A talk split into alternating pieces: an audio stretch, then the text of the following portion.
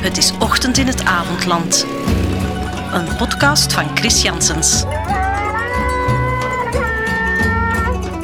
Aflevering 12. Dagelijkse portie decibels. Het dagert in den oosten en dat is hier om 6 uur ochtends. Het gaat ook heel snel. Bij het eerste zonnestraaltje verdwijnt de nacht en meteen ook de nachtrust. Niet omdat het licht zo fel is, daar zijn gordijnen voor, maar omwille van de geluidsgolf die je genadeloos overspoelt. Cambodjanen zijn luid. Of laat ik het zo zeggen, ze zijn auditief erg aanwezig. Nog voor je je ogen opentrekt, hebben je oren de commotie al opgevangen. Het begint met hanen, die reageren op het licht. Dan hoor je kinderen, die reageren op de hanen.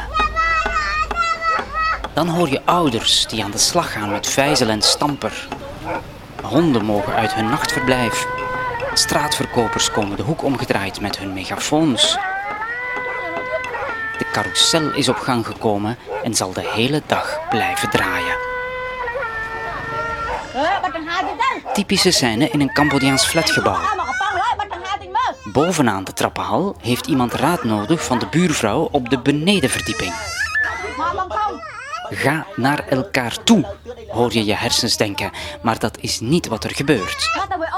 De vaak schelle stemmen galmen en schetteren door het gebouw.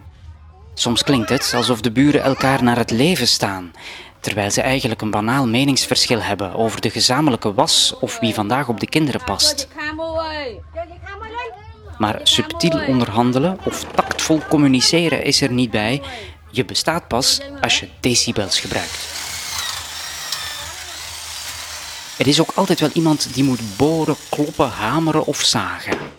Ooit op een dag zal dit land zijn definitieve vorm gekregen hebben, maar tot die tijd moet er nog ontzettend veel geslepen, geveild, gepolijst, ingekerfd en gefreesd worden.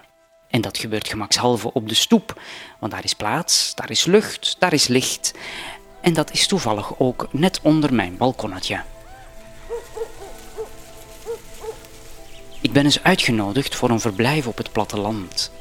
Mijn gastfamilie woont in een pittoresk dorp een half uurtje buiten de hoofdstad Phnom Penh, aan een uitloper van de Mekongrivier.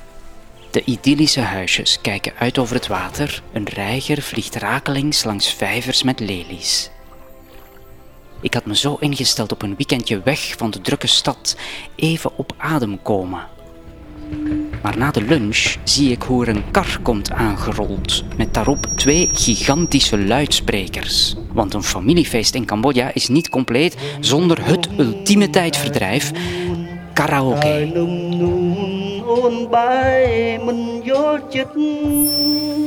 Om de beurt nemen de dronken nonkels de microfoon ter hand.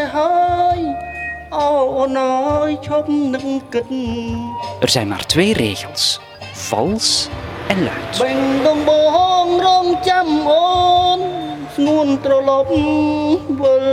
Ik heb de populariteit van dat zingen lang gezien als compensatiegedrag.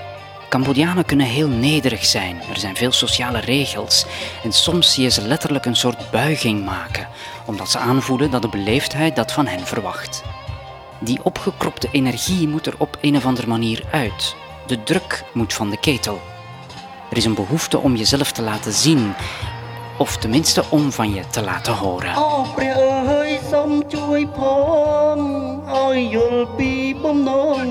Maar sinds het Cambodjaanse nieuwjaar, nu zo wat een maand geleden, interpreteer ik dit fenomeen anders. Nog even voor de duidelijkheid: de bedoeling van dat nieuwjaarsfeest is om iedereen kletsnat te maken. Voorbijgangers worden beschoten met waterpistolen, buren gieten volle emmers over elkaar uit en er wordt wraak genomen met de tuinslang. Bataljons watersoldaten denderen door de straten met vrachtwagens.